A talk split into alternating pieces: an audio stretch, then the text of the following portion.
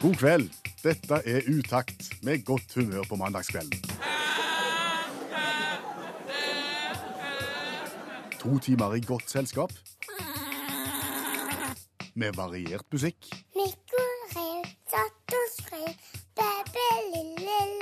Per Øystein Kvindesland. Og Bjørn Olav Skjæveland. Jeg erklærer herved Radioprogrammet Utakt. for åpnet. Og Utakt er jo et radioprogram som har en formålsparagraf. En eh, todelt sådan. Ja, veldig enkelt. Utakt skal være godt selskap på en mandagskveld, og så skal vi prøve å skape godt humør, og klarer vi å få til det, så er mye gjort. Ja. Eh, og du er jo utdanna fjernsynsfotograf, Skjævland. Og i helga så observerte jeg deg og en annen som har jobba ganske mye med fjernsynsfaget. Dere satt og diskuterte en ting. Ja, han er lydmann og har jobbet mye på, på sport, og vi diskuterte da lyd på sportssendinger. Ja, og da fortalte dere noe som jeg ikke visste, og som jeg tror at veldig mange med meg ikke visste. Det er det at når vi sitter og ser på TV, eksempel i helga, og ser på langrenn, og ser skiløperne gå forbi kamera, så hører vi lyden av skistaver, vi hører lyden av ski mot snø. Veldig levende. Det er bare juks. Mange av de lydene er bare juks, ja. Det ligger ikke en mikrofon der ute som fanger lyden. Nei, da er det en eh, som sitter inne i lydrommet, og så har han med seg en synthesizer, et keyboard, og så spiller han de lydene som vi vil at vi skal høre. For det er klart at står et kamera 100 meter vekke fra der ting skjer, og du har tatt på den største linsa som fins, så er det jo vrient å få med lyden av akkurat de detaljene, og da er det en som legger det på, sånn at det, på en måte lyd og bilde passer sammen, og du får en bedre seeropplevelse. Er det en, et eget fag, det å sitte og spille på et sånn lite keyboard? Ja, det er det. Det, det er lydfolk som gjør det, og det er ofte gjerne de mest musikalske lydfolka òg som gjør det. Så har de lagt forskjellige lyder på forskjellige tangenter, og så er det stav i settet der, og det brukes f.eks. på hopp. brukes det, sant? Har du tenkt deg hvordan er lyden av en som svever i lufta? Ikke den enkleste lyden å ta opp med mikrofon Nei, du- nei, det på sletta hvis det står 70 000 riv ruskende rav fodle polakker der nede og hoier, så, så blir det litt dårlig butikk, og dermed så, så må du jukse det samme i slalåm, f.eks. med portpasseringer og forskjellige ting. De skal jaggu vite hva de gjør, de som sitter med det keyboardet der og skal fyre av rett lyd til rett tid. Selvfølgelig skal de det, eh, men, det som jo er så fint, er at du klarer på en måte å skape en illusjon. sant? Det er ja, juks eller ikke juks, men, men opplevelsen blir jo bedre, og jeg tenker det er jo knapt noe medium som er bedre til å lage sånne visuelle bilder i hodet på folk enn radio. sant?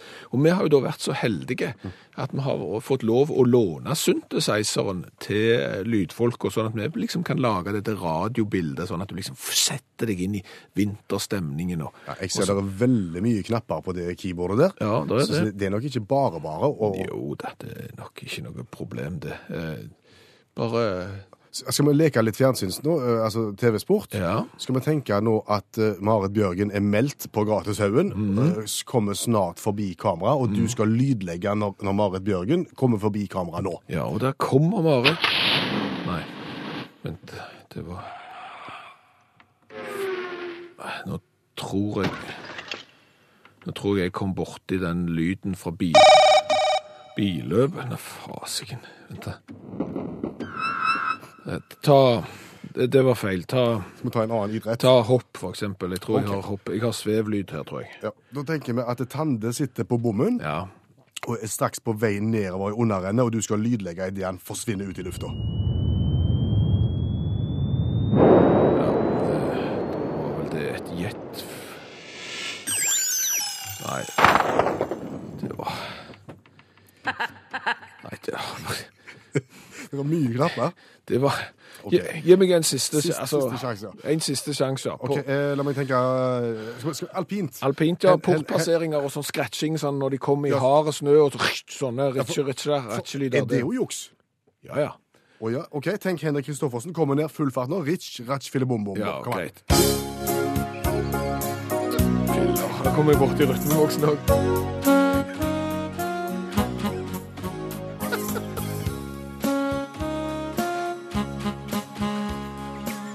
Får du ikke stoppet den? Du må trykke på alt så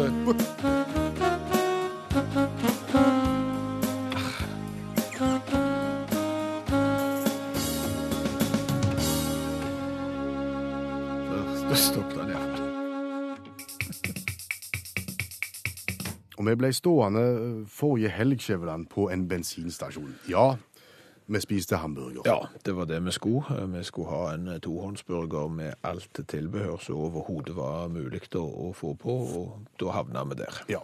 Og det er litt vrient å få spist det inne på en bensinstasjon, for det er lite bord, det er, det er på en måte lite plass å gjøre av seg når du har såpass mye remedier. Ja, enten så kan du legge burgeren inn på eh, glasslokket til kjøleboksen der isen ligger, eller så får du finne deg et lite avlastningsbord, og det fant vi borti tippekroken. Ja, der som folk fyller ut kupongene sine. Et lite bord med litt kulepenner og litt uh, kuponger flytende rundt forbi.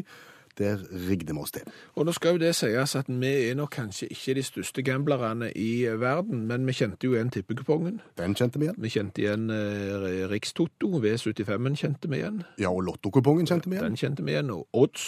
Klarte vi òg. Men, men så kom vi til Keno, da. Ja, den var nye for oss. Det var et spill vi ikke visste Norsk Tipping sto bak, men det er da Keno, og det er et spill de visstnok trekker hver eneste dag. Jeg er sikker på at det er mange som hører på utakt akkurat nå, som spiller Keno, og som syns at vi er historieløse. Men sånn er det nå. Keno har vi ikke et forhold til. Nei, og, og det var da vi tenkte dette skal vi prøve å få et forhold til. Dette skal vi prøve å finne ut uh, hvordan virker. fordi at på framsida av Keno-kupongen så er det da uh, fire rubrikker med 70-tall. 70-tall, ja. Det, det er på en måte som en litt voksen lottokupong. Pluss at det er noen ruter opp forbi òg som du kan krysse av, et såkalt Keno-nivå. Og det var da vi begynte å dette av bitte litt, for at dette her måtte vi finne mer ut av. Ja, så fant vi det var vel en slags bruksanvisning, en sånn spillanvisning på baksida av Keno-kupongen. Ja, men det er jo da vi ytterligere får bekrefta det vi har vært borti før, at når du skal skrive ned et regelverk for et eller annet, så er det uhyggelig vanskelig å få mottakeren til å forstå hva det egentlig handler om. For det du skal vite om Keno, det er at Keno er et spill med faste odds som går ut på å velge hvilke tall man antar blir dagens Keno-tall. OK, det er jo litt sånn som lottotallene. Jo, men dagens Keno-tall Spilleren kan sjøl velge om man skal spille 2, 3, 4, 5, 6, 7, 8, 9 eller 10 av mulige 70-tall, og 20-tall trekkes ut hver eneste trekning. Keno kan spilles på ni forskjellige nivåer, såkalte Keno-nivåer. Keno-nivåets nummer angir hvor mange tall man har valgt å spille på i hver enkelt rekke. Man kan spille på én til fire rekker per kupong, og man kan velge fra to tall opp til ti tall per rekke, og i hver rekke kan den ha ulikt antall tall. Antall tall man velger vil ha innvirkning på både premiestørrelse og vinnersjanse. Har du valgt Keno-nivå nå? Nei, for først, det skal du gjøre først. Først så skal du krysse av for ønsket Keno-nivå. Og det, det må jo vi være på bånn, for dette kan vi ikke. Kryss av for hvor mange tall fra 2 til 10 du vil spille per rekke, og kryss dine tall. Og så er det da eh, hvor mye du skal betale til slutt. Det er rekkeprisen. Kryss av for valgt rekkepris. Minste innsatsbeløp for en rekke er 5 kroner. Maks innsatsbeløp per rekke er 100 kroner. Valgt rekkepris gjelder for alle rekkene på kupongen. Og så skal du òg krysse av for antall dager. Og så kommer du da og får en kupongpris til slutt, Ja. som er antall rekker ganger rekkepris ganger antall dager, og ikke glem Keno-nivået. Nei. Ja, men da har vi det jo.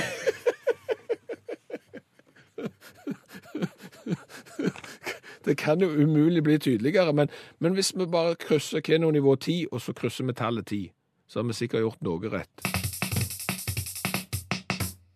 Et ord som er i vinden om dagen, Skjæveland, det er delingsøkonomi. Det høres gyselig kjedelig ut, men det er det allmennlærer med to vekttall i musikk Olav Hove insisterer på å snakke om i kveld. Ja, det er det. Og vi har jo levd i den villfarelsen med at delingsøkonomi det innebærer Airbnb. Du kan få lov å låne og leie leiligheten min, eller Uber. Jeg kjører bil, og du kan få lov å betale for å sitte på. Men der er vi visst fullstendig historieløse. Må innrømme at jeg er litt der, jeg òg. Men så har jeg tatt et dypdykk i delingsøkonomiens forunderlige verden i dag, og hjelper meg. Det finnes så masse at det. Eh, og det er jo slik at vi har benyttet oss av alt dette her Airbnb. Iallfall jeg har gjort det. Og da er det sånn at enten så kan du dele, eller så kan du bare nyte. Enten bare leie hus, eller så kan du leie ut huset ditt òg. Og slik fungerer denne delingsøkonomien, da. Og så finnes det sånne apper overalt, da, og du har jo eh, mange vers, Voshio og Rins. Det er to eh, konkurrerende apper. Der kan du bestiller at folk kommer og henter eh, klesvasken din, skitne truser og sånne ting, og så leverer de den på døra igjen. Og det kan du gjøre sjøl òg. Det er et tilbud du har sjøl. Rett og slett ta skittentøyvasken til naboen. Ok, Så jeg kan liksom bruke min vaskemaskin til å tjene noen slanter på? Ja. ja. Sil Gjerne kan du bestille hjemmemassasje. Eh, og da kan du òg tilby deg sjøl. Eh, men klart jeg ser på meg sjøl som som lite attraktiv på det feltet der, men du kunne sikkert bestilt det hjemme. Har med bord og sånne ting. Trenger 2,5 meter åpent rom i stua, fortrinnsvis. Vi ikke er på soverom, men det noe, skal ikke være vanskelig. Hvordan skulle du solgt deg inn da? To meter høy eh, sogning med, med, lite hår, med lite hår og uklar dialekt? Ja, Kraftmassasje, et eller annet. Jeg tror det skulle gått fint. Jeg kan sitte på deg hvis du Nei, men ja ja. Men, men jeg har muligheten, iallfall. En som jeg ikke har muligheten på, det er HEAL-appen. Det er hjemmebasert doktorbesøk. Altså doktoren kommer hjem til deg. Da må du være lege. Må ha papir på det til og med. Eh, men du kan få legen hjem. Lux parkering. Du kan altså tilby parkering av biler. Eh, Jeffrey Fowler i Wall Street Journal han har testa ut dette. her. Gikk inn på appen Lux, registrerte seg at her skal jeg parkere i dag, og der sto det en kar i hvit T-skjorte og tok imot bilen hans. Så fikk han rattet på kvelden. Betalte 180 kroner. Han pleide å betale 300 kroner dagen vanligvis i parkeringshuset til avisa, så han tykte det var fint, men han trodde kanskje han hadde brukt litt mye bensin i løpet av dagen. Men det er pirk. Og så er det en del av disse delingsøkonomitingene som har litt å gå på, fordi at premisset er feil. Og, og, og internettentreprenøren Elliot Gerard han tilbyr appen MeetMe. Så er en fiffig lite ordspill, fordi at har premisset hans er nemlig at folk er så lei av å gå til slakteren. Og det var ikke jeg klar over, men, men det, det sier han. Og da sier han, her, her er scenarioet til Elliot. Du, du, sier at du har fire røkte kjøttpølser i kjøleskapet, men så har du lyst på svinekotelett. Ja. Da går du bare inn på MeetMe-appen, den fiffige ordspill-appen, og, og, så registrerer du og sier at 'jeg har sittet her med fire kjøttpølser, ønsker svinekotelett'. Så går det 40 minutter, fortsatt ifølge Elliot. Så dundrer det på hører jo, her står en mann med, med svinkotelett, og du gir fra deg de røkte kjøttpølsene. Det forutsetter at de er enige om det faktum at fire kjøttpøl, røkte kjøttpølser er verdt én svinkotelett. Denne har ikke sleget an så godt. Uten at jeg veit eh, liksom hvorfor. Men, men uansett. Eh, eh, de sier at det finnes en delingsøkonomi-app for alt. Og da tenkte jeg det skal jeg teste. Jeg skal ta en ting, jeg skal ta, finne et problem i dagens nyheter, og skal jeg sjekke det. Og da kom jeg over det at Eliteserien kanskje må bli utsatt i år. I fotball blir utsatt i år pga. dommermangel. De kommer til å streike pga. lite lønn. Så tenkte jeg, kan delingsøkonomien hjelpe meg? Og forsyne meg. Rent a ref. Leie en dommer? Leie en dommer. Har egen nettside. Der kan du få dommere til fotball, basketball, baseball, ishockey. Håndball det er sånn amerikansk håndball, og sånn toskaskap-håndball. Og volleyball. da. Eneste de ikke tilbyr, er ultimate frisbee, for der er det visst ikke dommer. Men Registrer deg, klikk-klakk, så kommer, spørs om de kommer fra USA. Men jeg tenker, fantastisk. det finnes, Og så har de veldig fiffig og fin nettside. Der har de videoer med, med artige dommersituasjoner. Og så har du litt sånn, sånn workshop-aktige ting som bygg ditt eget cornerflagg. så, så de, delingsøkonomi, altså. Jeg er udelt positiv.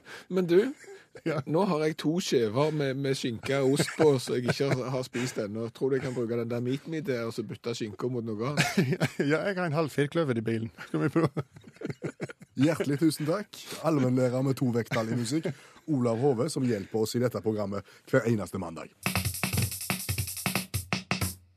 Har du noen gang hatt besøk av gjesten som uh, ringer på døra, og som slipper inn i gangen, og som starter besøket med å si eh, 'Jeg skal bare bli ei bitte lita stund, trenger ikke finne fram noen ting, jeg skal bare bli ei lita stund'.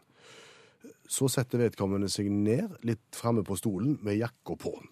Ja, de har jeg eh, opplevd, og, og, av den kategorien der eh, så kan du få to underkategorier igjen. Mm -hmm. du har da den som sier at nei, jeg skal bare bli ei lita stund, jeg kler ikke av meg, for så å bli ei lita stund og gå. Mm -hmm. Den andre kategorien er jo den da som sitter på kanten av stolen med jakken på og sier at de skal bli en liten stund, men er der kjempelenge. Ja, Og det er sistnevnte vi skal ta for oss nå. Ja, for hva mekanisme er det? ja, og hvorfor, hva er motivasjonen? Jeg tror kanskje det hele starter med litt dårlig samvittighet for å bryte inn i noe en føler en ikke bør. F.eks. En, en eh, oldefar eller en bestefar som føler han kommer inn i et travelt hjem og må unnskylde seg idet han kommer, men har kjempelyst å være der ganske lenge, for dere er både barn og barnebarn. Eh, jo, eh, jeg skjønner for så vidt tanken, men da må du jo gjenkjenne tidsbegrepet, da. Mm. Altså Hvis du tenker at du ikke skal trenge deg på og bare skal være en liten stund, og, og dermed skal sitte på kanten av stolen hele veien med jakka på, så må du jo på et eller annet tidspunkt demre for deg at tiden går. Det har vært eh, en god stund nå siden jeg kom, faktisk. Men skal de ha noe? Nei. Og, og det er det som er så artig, at ingen av de to underkategoriene av de som ringer på døra, eh, kommer inn, sitter på kanten av stolen med jakken på, skal ha noe. De som bare blir værende en liten stund, de sier nei, nei, nei, jeg trenger ikke finne noen ting til meg, for jeg blir bare værende en liten stund. Mm. Den som blir sittende kjempelenge med jakken på, sier nei, nei, nei, du trenger ikke servere meg noen verdens Å nei, det er ikke kaffe engang, jeg, jeg er snart på vei ut døra. Men de kunne jo drukket to liter kaffe og spist ei hele første kake på den tida, de, de, de nekter jo å gå. Ja. Hvordan skal vi forholde oss til de da? Jeg er søren ikke sikker, for det, for det er jo litt vrient. eh, Og, og du kan jo si Det er jo flere sånne grupperinger av disse menneskene òg. Du har jo de som òg kom i døra, som du sier, men de, og, og de er kanskje enda sjeldnere igjen. Det er jo de som, som ikke skal komme inn forbi, ja, fordi de har det så travelt. ja. Og de blir jo aldri ferdige. De står i døråpningen, vet du, sant? og du, du, det ryker jo kilowattimer av varme ut Ja. mens de står der og nei, jeg, har, jeg har ikke tid å komme inn, har det kjempetravelt. Ja. Men de har tid å stå i døråpningen kjempelenge. Og det kan jo være at det er disse begrepene, tidsbegrepene som er litt vriene. Tidsbegreper. Ja, hva er egentlig en stund? Ja, hvis vi ikke er enige om det i utgangspunktet, Ja. så blir det jo galt. Ja, for, for det er jo sånn, jo eldre du blir for eksempel, sant? Hvis jeg sier til ungene at vi skal kjøre en biltur, og det tar tre timer, så er jo det kjempelenge. Ja. Etter cirka et kvarter, så er det jo, er det lenge igjen nå. Hvis jeg sier til deg at vi skal kjøre tre timer, så ikke, ikke, Det er ikke, det er ikke spesielt lenge. Sett det på radioen og varme i setet på treet og, og, og kose oss. Så det begrepet eksempel en stund kan jo faktisk være særdeles variabelt. Ja. Straks begrepet òg er jo, er jo eh, Ja, det er ikke noen klar definisjon. Nei. Eh, Hvor, hvor langt er et straks? Ofte så er det jo forbundet med flere. Ja. Jeg eh, tar noen strakser. ok? Det, altså et par strakser, da, hvor langt er ett straks? Ganger det med to, er det dobbelt så langt som ett straks? Mm. og- Så, så, Men hvorfor tar de ikke av seg jakka? Det tenker jeg. De sitter der og skal bare sitte en liten stund, og de har vi nå slått fast, de sitter kjempelenge. Det må jo bli varmt. ja. Nei, det er helt ubegripelig. Det jeg skjønner det ikke. Er det for å, Hvis de hadde tatt av seg jakken, så hadde de signalisert at de, de, de mente ikke alvor med at de skulle bare bli en liten stund? Det kan godt hende. Eh, Hva vet vi? Inger har eh, sendt oss en SMS. Hun elsker de som kommer på uventa besøk med, med jakken på. Hun mener at det er en utdøende rase. Eh, og at eh, folk bare kommer på besøk hvis de blir invitert. Og, vi sier ikke at vi ikke liker de som kommer uanmeldt eh, på døra, men ikke si at du skal gå hvis du skal bli. Nei. Jeg har jo hatt en, eh, en kompis som har hatt en liten lidelse, en, en tvangstanke vil jeg nesten si. Aha. Eh, Og det er at han kunne bare gå eh, på hele og halve timer. Altså forlate deg? Ja, sånn at hvis vi liksom drev på med et eller annet og satt og drøste eller så film eller... Ok, La oss si han kom halv elleve Ja, på formiddagen til deg, ja. og så satt dere og snakket, og da- kunne han gå elleve blank. Han kunne gå 11, ja. Mhm. Men det som jo ofte skjer, er at sånne ting er jo litt vriene og time, fordi at du plutselig så blir du jo grepet av en eller annen samtale eller, eller et eller annet sånt, og så blir klokka fem over 11. Og da kan du ikke gå før halv tolv. Nei, da, Og, og, og da gjentar gjerne dette seg. sant? Og du kan jo tenke deg også hvis dette er på kveldstid, noe det ofte er når du får besøk av kamerater. Så, så det er jo mange ganger jeg fikk jeg jo ikke ut av døra før langt uh, ut på morgenkvisten, fordi at vi ikke klarte å time det inn mot en hel eller annen halv time. Og vi kan få bitte litt klang. på stemmen. Ja, Må se. én, to. Ja ja, det er fint. For, for nå skal jeg eh, nemlig lage en vignett. Ok. Startbåndet.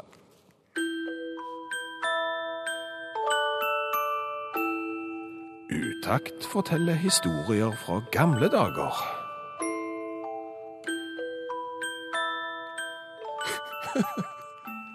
Ble ikke verst, den. Men, men når i gamle dager?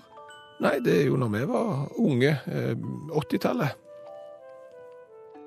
80-tallet, gamle dager. Ja. Mor mi sier at jeg er en ungdom.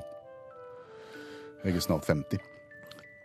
Jo, men, men det er jo litt sånn For våre unger så er jo vår oppvekst eh, gamle dager. Eh, for eh, våre foreldre så er jo vår oppvekst ikke gamle dager. Så det er jo på en måte sånn et litt eh, varierende tidshull, akkurat det med gamle dager. Men for noen vil våre historier fra barndommen være gamle dager. OK, da forteller vi fra våre gamle dager. Ja, det var en gang Johan.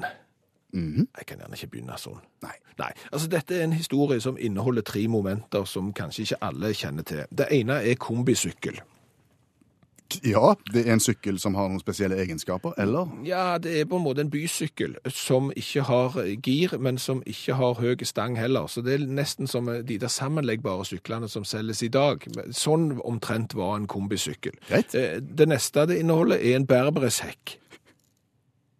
Ja, Det er en hekk med vonde pigger. Ja, det er en hekk som du ikke kan kjøpe lenger på hagesenteret fordi at eh, han ikke selges, fordi at han er rett og slett livsfarlig. Det er masse stikkarter på den hekken. Er Var veldig populære på 80-tallet. Veldig populær på 80-tallet, berbersekk. Og det siste er en trihjulssykkeltraktor i plast. OK. En trehjulssykkeltraktor i plast. Ja, OK. eh, det er ingrediensene. For det var nemlig sånn at eh, på begynnelsen av 80-tallet så var du ute og lekte. Og, og da var det jo om å gjøre å finne på noe, og dette er jo da i en brytningstid, der du går ifra å ha lekt med, med plastikk trehjulstraktor fordi du var så liten, til at du faktisk mestra å sykle en tohjulssykkel. Så du er akkurat i den overgangen der mellom barn og litt ungdom. Ok. Hva skal vi finne på? Vi må finne på noe. Det er jo ingenting på TV. Nei, det er ikke det. Eh, Hva med å taue denne plastikktraktoren rundt nullen med kombisykkel? Hva er nullen? Nullen det er jo bare en liten rundtur rundt kvartalet. Noen få hundre meter rundt noen hus, og så ned igjen til samme utgangspunkt. Ok. Det var liksom nullen. Slepe plastikktraktoren etter kombisykkelen med tau. Ja, så da binder du fast en tau i kombisykkelen sitt bagasjebrett. Japp. Så binder du andre enden av tauet fast i rattstammen på trehjulssykkeltraktoren i plast. Ja. Og så trør du så fort du kan. Eh, Du møter jo da først en liten oppoverbakke, så det går ikke spesielt fort, men når noen eh, skuer, så, så kommer du fram. Eh, Så kommer du jo til turens toppunkt, Mm. og da er det jo bare å sette eh, retning hjem igjen rundt nullen. Eh, Et lite kontrollspørsmål. Johan, som du innleder med her, Ja. sitter han på sykkelen, eller sitter han bak på Han sitter på trehjulstraktoren, og det er jeg som trør sykkelen. Riktig. Så er det jo nedoverbakke, og da er det jo bare én ting å gjøre, det er å få opp farten. Du trør alt du kan. Ja. Og det går etter hvert ganske fort. Eh, Så nærmer du deg målgang. Ja. Da kommer den litt vriene 90-graders-svingen.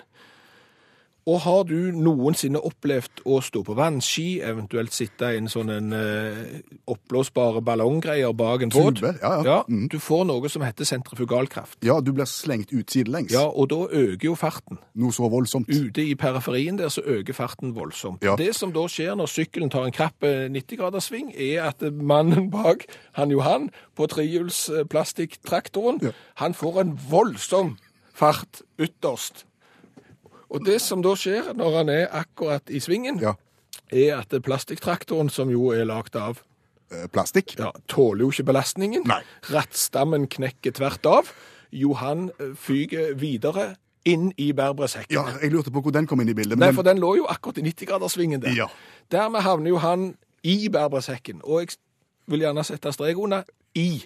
Han er midt i berbersekken. Han har ikke nok fart til å komme gjennom, men han har heller ikke så liten fart at han ikke går i hekken. Han sitter fast inni berbersekken.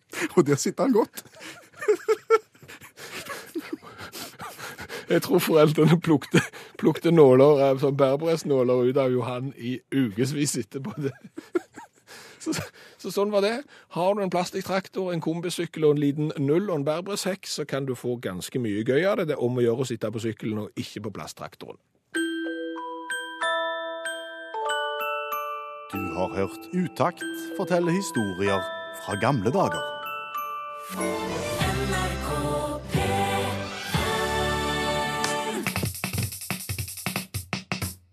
Utakt fortalte fra gamle dager for litt siden. Eh, Det er de som reagerer på at vi kaller 1984 for gamle dager.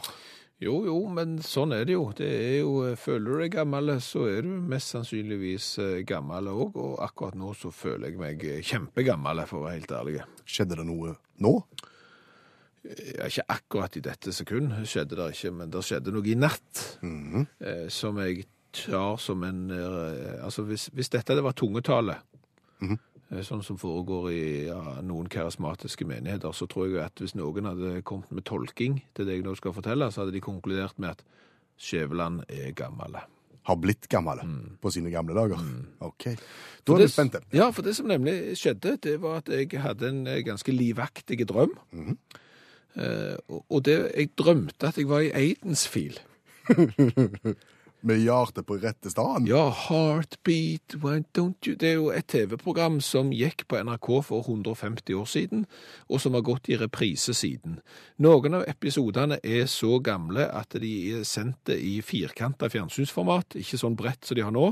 Eh, Så det er alle ting tyder på at dette er kjempegammelt. Det drømte jeg. Var du skrevet inn i Aidensfield? Ja, og det som var enda rarere, det var at i tillegg til meg og karakterene i Aidensfield, så var òg eh, karakterene i Kalde føtter, altså Cold Feet, en annen BBC-serie som har gått i mange, mange år. De òg var med. Stumpa var ikke også med.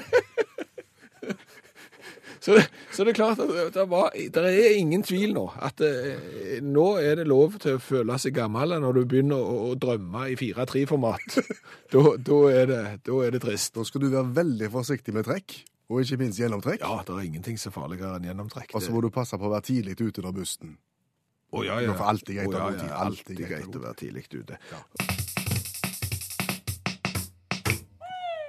Og etter det vi har grunn til å tro, så har de aller, aller fleste svart rett på inngangsspørsmål i dag òg. Ja, og Ragnhild Cecilie har eh, klart det. Hun har klart både fornavn og etternavn og bosted, så det er veldig bra. Ja. Inngangsspørsmålet er hva heter du, og hvor bor du? Hei, Ragnhild. Hei, hei. Hei, er du klar til å konkurrere? Ja, bare noe. Flott. Vi skal kjapt gå igjennom reglementet for Utakt sin konkurranse. En stor bunke med spørrebøker. Ragnhild bare sier stopp, og så finner vi fram den spørreboka så hun sier stopp til, og så blar jeg sånn fort sånn. Så sier jeg bare stopp der òg, og så finner vi et vilkårlig spørsmål. Svarer Ragnhild rett, så blir det gladjodling. Svarer Ragnhild feil, så blir det tristjodling. Men uansett så blir det den samme premien. Utakts i T-skjorta med V-hals. Vi bare begynner med, Ragnhild. Ja, da bare sier du stopp når du har lyst.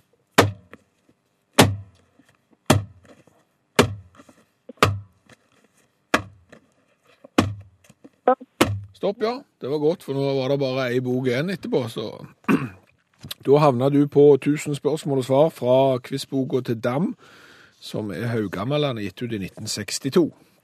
Hei. Var du født i 1962? Mm, nei, Nei. tror ikke jeg var påtenkt engang, da. Nei, det ser du. Da får vi se om dette er Da bare blar jeg, og så sier vi stopp igjen. Stopp. Stopp. Gruppe fire, fremmede ord. OK. Er vi på da, og det er 25 spørsmål, og du har lyst på nummer 17. 13. Hva er en kardask? En da? En kardask? Nei, det, det var et godt spørsmål, det. Ja, det er et veldig godt spørsmål, og, og Kan du hjelpe oss litt på veien? jeg vet søren ikke hva vei jeg skal gå ned for å, å hjelpe heller, for jeg hadde ikke vært i nærheten. Dette er nok et ord som, hvis du bruker det og er vant med å bruke det, så, så er det liksom, å, det er jo en kardask. Men for alle oss andre så, så hjelper det ikke så mye. Det har med hest å gjøre. Ja. Ja, kanskje det var noe men det, det har ikke jeg peiling på, da. Nei. Jeg vet ikke. Nei, nå kom det tristjodling. Ja. Det er da en stallbørste til å pusse hest, står det her i fasiten. En kardask. Må ikke forveksles med kardang. Nei, det er noe helt annet. Ja. Men da har vi lært det, og så er det jo bare å gjenta prosedyren. Det kan ikke gå verre. Bare si stopp. Stopp. Stopp, ja. Ja, det kan gå verre, faktisk. For det ble Det ble 707 spørsmål og svar om Haugesundsfotballen. Den er leie, Ragnhild. Den er leie. Da bare blar jeg. Da er vi kommet til kategorien som heter Djerv 1919 i 1990-åra. Der er det 15 spørsmål om Djerv 1919. Hvilket skal vi ta? En. 1. I 1990 Kan vi ikke si det sånn at du kan få medprogramleder Per Øystein Kvinneslag på lag her, for han er fra Haugesund. Det kan vi godt være. Så er dere to på en måte sammen. Da stiller jeg dere spørsmålet. I 1990 var Djerv 1919 eneste lag fra Haugesund i andre divisjon, altså nivå 2. Hvilken plass fikk de på tabellen? Nei, eh, Hva skal vi si, Ragnhild? nest siste plass. Skal jeg trodde det var så ille at de var helt nede i bånn. Ja, det er sannelig ikke godt å vite det. Nei, jeg, jeg tror kanskje vi skal litt lenger opp, skal vi ikke det? Uh, Sjuendeplass, da. 20. Ja. Ja, OK. Da, da går vi Jeg og Ragnhild sier 20. sammen. Ja, dere er enige? Ja, vi er enige. Nei, uff a meg. Ja. De ble nummer seks. Å, det var veldig nærme, Ragnhild. Ja. Men, Sånn var det. ja, så er det godt nok, det. Ja. Da er vi kvitt den vanskelige fotballboka iallfall, og siste spørsmål er klart. Lyv på. Stopp. Stopp, ja. Da var du heldig. Da fikk du min første spørrebok. Det er spørrebok som er mynta på barn. Få sider, stor skrift. Bare si stopp igjen, du. Stopp. Der var vi. Hva het moren til Jesus? Maria. Der kommer han til slutt, Ragnhild Cecilie Årenes. Ja, ja, ja. Flotte greier. Da har vi lært det i dag. Hva, husker vi hva en kadask var for noe? Ja, Det var sånn, sånn uh, børste. Ja. Så du, så du gredde hesten med? Ja. Og Djerv 1919 i 1990-sesongen ble nummer Seks. Dette er jo forbilledlig. Nå kan du gå rundt og brife med det, for nå har du lært kunnskap som ingen andre har. Ha en god kveld, Ragnhild Cecilie. Takk det samme. Nå er det veldig fort gjort å si at det er på'n igjen med mer cola i programmet Utakt òg. Ja, men det er jo det. Det er det. Vi skal teste en ny cola fra et eh, nytt land, og årsaken til at vi gjør det, er jo fordi at vi vet at nordmenn de reiser verden rundt, og da drikker de gjerne cola. Og spørsmålet er jo hvilken skal du drikke i hvilket land? Hvis du skal velge å gå utenfor den, den offisielle, vanlige varianten, og heller prøve en lokal variant. Ja, Og vi får jo tilsendt cola fra hele verden, fra Utakt sine lyttere som er ute og reiser.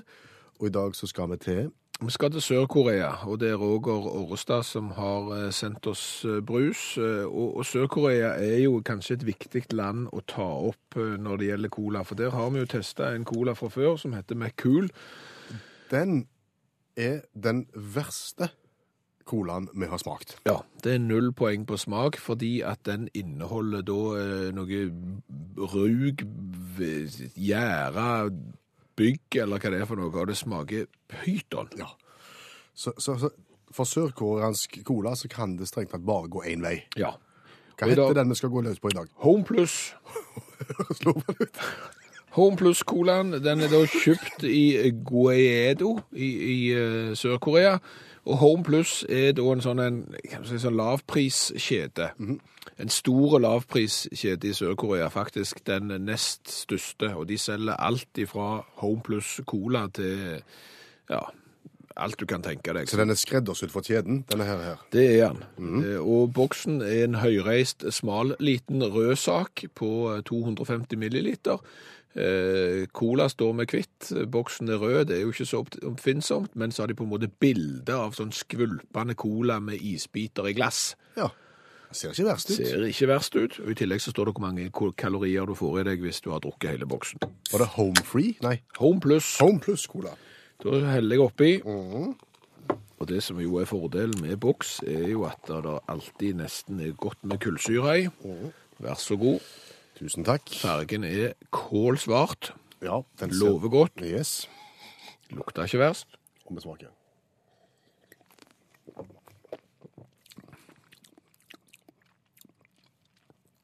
Det er en av de. Det er en av de, ja. Det er en av de som ikke smaker vondt. Men som heller ikke smaker noen ting. Nei, han smaker uhyggelig lite. Så du kunne drukket 30 liter av denne, og det hadde ikke gjort noen ting. Det her er helt grei skuring, men det er liksom ikke noe stor opplevelse heller. Nei. At hvorfor, hvorfor tilsetter du ikke bitte litt mer smak når du først er i gang, tenker jeg? Jeg tror det er så lavpriskjede, dette. Det må være det. Men det er jo en veritabel oppreisning i forhold til det med Kul-colaen fra det, det, det Sør-Korea. er ikke noe, altså Jeg kan gi fire i smak. Eh, Det er ingen usmak. Det er bare litt lite av den. Helt på jabb nå. Fire i smak. Enig med det. Eh, tøft. Ja. Litt sånn 80-talls retroaktig med sånn et bilde av cola som eh, liksom eh, reiser seg idet du slipper oppi isbiten i glasset. Det er litt halvbarskt og litt retro, så de skal få fem av meg. Jeg tror ikke jeg går lenger enn fire i, i design. Åtte pluss ni blir eh, 17. Til Home Plus. Ja.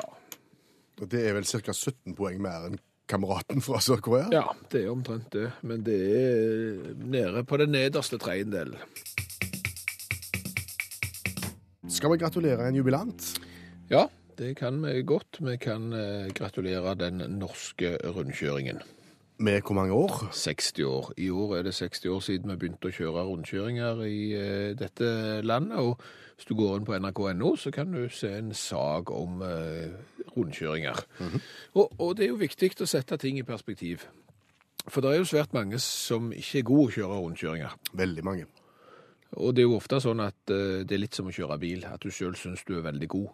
Eh, og jeg syns sjøl òg jeg er veldig god til å kjøre rundkjøringer. Så kan det godt hende at alle andre syns at jeg er kjempedårlig til å kjøre rundkjøringer. Men Og så kan du begynne å diskutere med folk fra ulike deler av landet om hvordan en skal kjøre en rundkjøring, og det er en heller ikke enig om. nei, og så kan du begynne å diskutere hvilken landsdel er det som er dårligst å kjøre rundkjøringer. Og vi vestlendinger, spesielt rogalendinger, har vel en lei tendens til å komme ut på topp når det gjelder kåringer. Hvem er dårligst til å kjøre rundkjøring? Forstår det den som kan.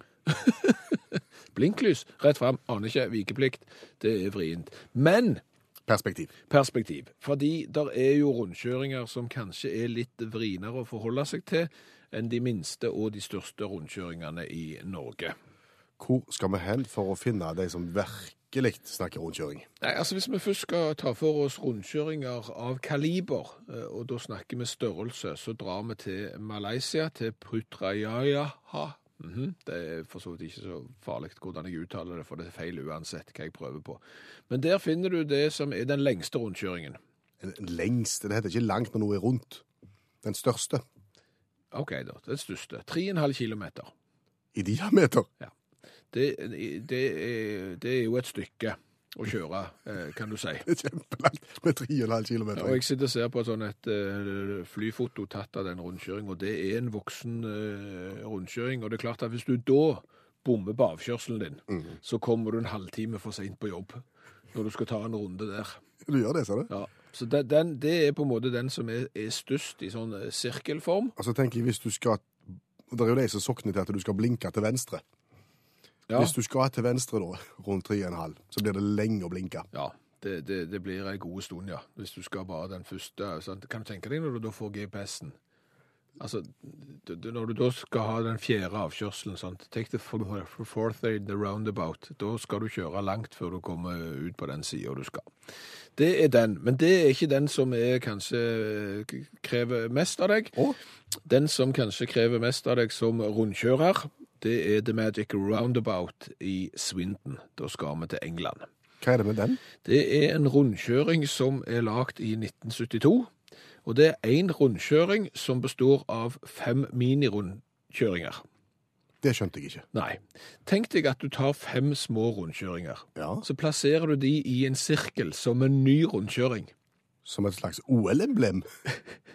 Sånn at det første, hvis du kommer i tilførselsveien inn mot den store rundkjøringen, det første du da vil møte er en liten rundkjøring. Så tar du til høyre i den lille rundkjøringen, for du skal jo kjøre rundt den til høyre i den store rundkjøringen, bortsett fra dette til England, så da blir det venstre, som om det ikke var vanskelig nok. Da vil du møte en ny rundkjøring. Og hvis du da ikke skal ta av der, men fortsette for å komme litt nærmere utgangspunktet, så møter du en tredje, en fjerde og en femte rundkjøring. Så det er jo det fullstendig komplette kaos. En stor rundkjøring bestående av fem små, og det går under navnet The Magic Roundabout. Hva sier GPS-en der, tro? Kan du tenke deg? Og i tillegg da, hvis du kommer som urøynt rundkjører kjører fra Norge, og i tillegg må få kjøre på feil side av veien. Do you turn, please. Og vi har igjen besøk av allmennlærer med to vekttall i musikk, Olav Hove, som hjelper oss med det vi ikke sjøl har greie på hver eneste mandag. Og det vi ikke har greie på, Skjæveland, det er delingsøkonomi. Ja, vi trodde jo at eh, når det er snakk om å beskatte delingsøkonomi, så er det snakk om å beskatte Airbnb og Uber, og det var omtrent det, og, og det har vi vel fått svar på. Det er et alvorlig antall eh, apper og forskjellige ting som omhandler delingsøkonomi. Absolutt. Og eh, jeg fant til og med en der du kunne få leie lærer. Hvis eh, snotten hjemme har problemer med spansklekser, så kan du leie inn en spansklærer. Kjempegreit. Frisører, bartendere. Ja, Men ble det delingsøkonomi? Det ble jo bare å leie. Må du ikke på en måte tilby noe sjøl hvis det skulle være delingsøkonomi? Ja, men lærere kan tilby tjenesten sin der inne. sant? Sånn er det. Bartendere kan gjøre det, så kan du leie. Og det som er enda er kjekkere, er jo at allmennlærer med to vekttall i musikk her kunne f.eks. Ha, ha tilbudt sin lærerkunnskap mot å fått bartenderkunnskap tilbake igjen. Ja. Kunne blitt en alle tiders kollokviegruppe til slutt. Frisør har jeg ikke bruk for, men der finnes det òg. Cuts heter appen. Kjempefin, sikkert. Og så har du Nanny in the Cloud. Det er da eh, barnepass i skyen hvis du har små barn. Alt det der funker. Og skal du til New York, så veit vet at en av dere skal iallfall i sommer, så kan du logge deg inn på Same Old Lines Dudes. Det er, eh, det er ei latsabb-side. Og det, fordi at skal du til New York, så er det masse ting du vil gå på, så det er kø. Sant? Ja. Empire State Building har jeg vært sjøl halvannen time liksom, for å se opp et høyt hus. Da står disse her Old Lines-dudene i kø for deg. Sant? 250 kroner i timen. Perfekt. Så kan du gjøre andre ting i mellomtida. Må holde deg i nærheten, da, vil jeg. Ja, ring, ringer de da når de Ja, er så framme? ringer, ringer og sier framme, nå kan du komme fram i køen. Funker, fungerer visst som søren, og det eneste de må gjøre, er å stå i kø, og de sitter ganske mye, kunne de fortelle òg, da. Mange er jo religiøse i vårt samfunn og ønsker kanskje av og til Jeg vet, jeg kjenner flere som kunne tenkt seg godt denne her pilegrimsreisen vet du, til Santiago de Compostela. Ja, sant, det er en katedral der, og relikvier. Og... Men det er jo haulangt. Er jo langt, og tar grusomt lang tid. Eh, og så hvem har tid til slikt? Og det har jo da eh, Carlos Gill, portugisisk IT-konsulent, tenkt på. For han eh, tilbød nemlig å ta turen for deg. så da, leig en pilegrim, altså. Eh, og han sier rent eh, liturgisk og religiøst så er det ingenting i veien for at du kan ha en stedfortreder. da. 15 000 kroner i veka tar han for det. Det er satsen for det her, da. Og så viser han fram bevis at han har faktisk tatt turen, da. Fått stempel og, um, med datoer på. Kjempegreit. Eh, Leik inn pilegrim. Men hva sitter du igjen med, da? Alle bildene som ble tatt på en måte av deg på pilegrimstur, det ble jo bilder av han. Ja, jeg pirker nok en gang. altså. Det, det er bare slik det er. Det, det, det, da, da har du gjort det, eller han har gjort det, men du er liksom innafor. For du har betalt 15 000 for at noen andre skal gå i veka. Så er det litt sånn, eh, Når du kommer fra bygda, slik som jeg gjør, da, sant? så når du kommer hjem i ferie, og slik, så har du lyst til å vise at du har oppnådd noe i livet. sant? Og det er litt vanskelig. Det er ikke søren ikke lett å få det fram. liksom. Du kan gå på, eh, på lokalbutikken og skryte deg opp, men det er liksom ikke så stilig. Og da har jeg funnet, kommet over en sånn litt sånn lands... Sånn, eh, bygdedyr-app her, da. Eh, Den heimkomne Sånn-appen. Eh, Det er da eh, Celeb for a Day-firmaet som, som tilbyr her. Da for 4500 kroner så kan du kjøpe grunnpakken. Eh, det, da får du legge i 30 minutter fire mann som er- opptrer som paparazzier.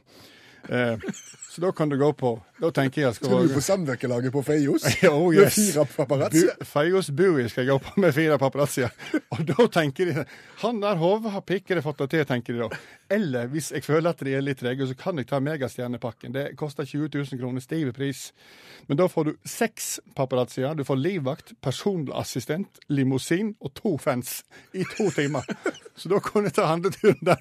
Da Tenk blir deg det. stapp- Hoppstokk hotell med limousin, livvakt og, og to fans.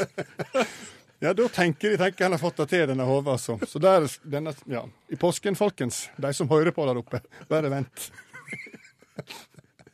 Da kommer Hove hjem til sine egne.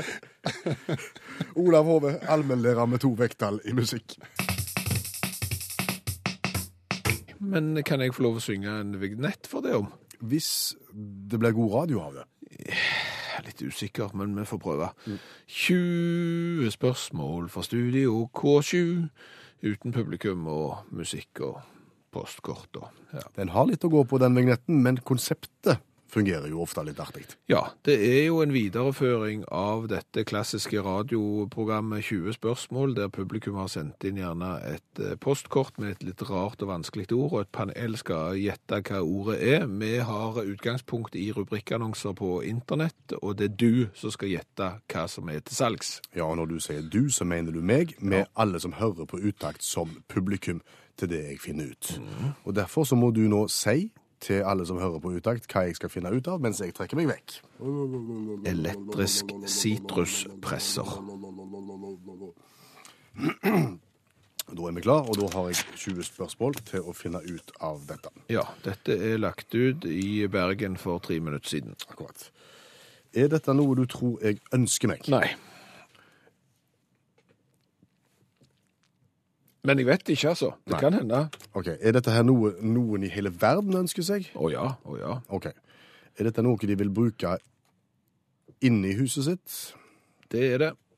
Eh, er dette et redskap? Eh, ja.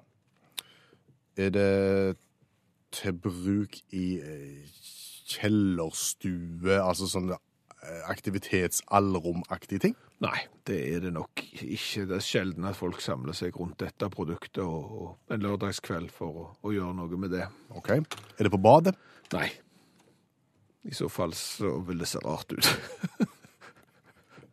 Men vi kan kalle det et redskap. Brukte du et spørsmål på det? Ja. Ja, ja men det har jeg, jeg har fått det bekreftet. Ja, ja, det, det- er, et redskap som vi ikke samles rundt når vi skal kose oss, og vi gjør det heller ikke på badet. Eh, Da er det et redskap som enten hører til i stua eller på kjøkkenet. Jeg går for kjøkkenet. Riktig. Det er et kjøkkenredskap. -hmm. Som jeg overhodet ikke har lyst på. Betyr det at det lager noen form for mat som du vet at jeg ikke er glad i? Nei. Lage, kan jeg bruke dette redskapet til å lage noe mat som, som jeg vil sette pris på? Ja. Akkurat. Er det eh, til bruk ved middagstilberedning? Nei. Frokost? Til Mer frokost, ja. Mer frokost. Men ikke utelukkende til frokost, nei. Er det et slags toast? Eh, Brødristeaktig ting? Nei, det er ikke det. Nei, det er det ikke. Er det, er det noe som foredler noe jeg allerede har, på en måte? Er det noe, Tømmer jeg ting oppi dette her, og så kommer det ut noe? En, sånn, en, en smoothie-maskin? Ja, Det, det er jo for så vidt veldig nært nå, men, men eh, hopp over den tømmeprosessen, tror jeg. Akkurat. Men det foredling er bra, det er viktig, ja. Mm.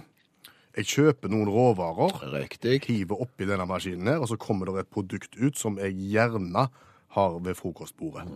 Mhm. Og så var jeg inne på det når du sa noe med smoothie.